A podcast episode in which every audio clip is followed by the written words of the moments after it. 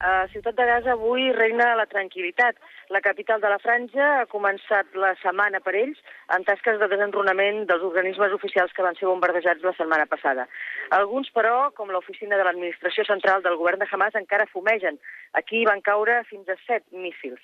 Pel que fa als incidents d'ahir a la frontera oest amb Israel, en què va morir un palestí i una desena, entre 14 i 15 persones més, van resultar ferides en un enfrontament amb soldats israelians, encara no hi ha hagut cap resposta sobre la queixa que es va presentar davant Egipte, que actua com a mitjancer. Eh, segons Israel, simplement van respondre a una agressió quan eh, diversos palestins van intentar eh, trencar la valla que separa els respectius territoris no es van, es van veure obligats a disparar-los.